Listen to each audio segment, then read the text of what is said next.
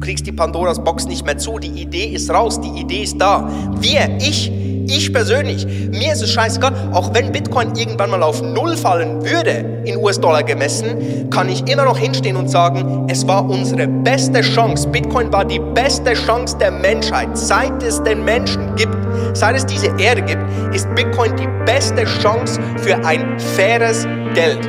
Transparent, nicht beeinflussbar, nicht konfiszierbar. Es ist ein demokratisches, faires Geld von den Leuten für die Leute.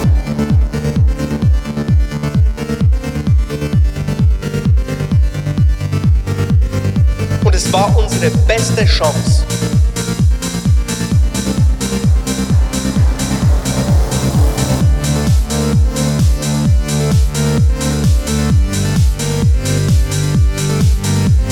Es ist ein demokratisches, faires Geld von den Leuten für die Leute.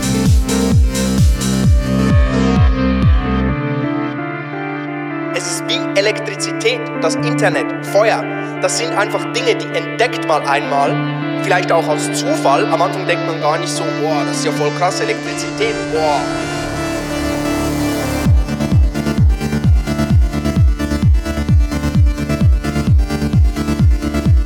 Aber heute wissen wir so viel mehr darüber und können Elektrizität in so vielen Bereichen anwenden und es ist einfach ganz normal. Und ich sehe Bitcoin wirklich auf der gleichen Stufe. Ich sehe Bitcoin auf der gleichen Stufe wie das Internet. Ich sehe Bitcoin auf der gleichen Stufe wie all, all diese wirklich großen Erfindungen, die die Art, wie wir leben oder die Art, wie wir denken, verändert haben. Und es war unsere beste Chance. Es ist wie Elektrizität, das Internet, Feuer.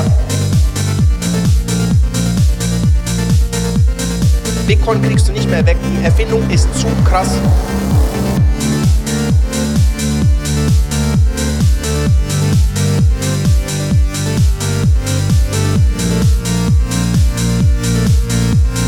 Und es war unsere beste Chance.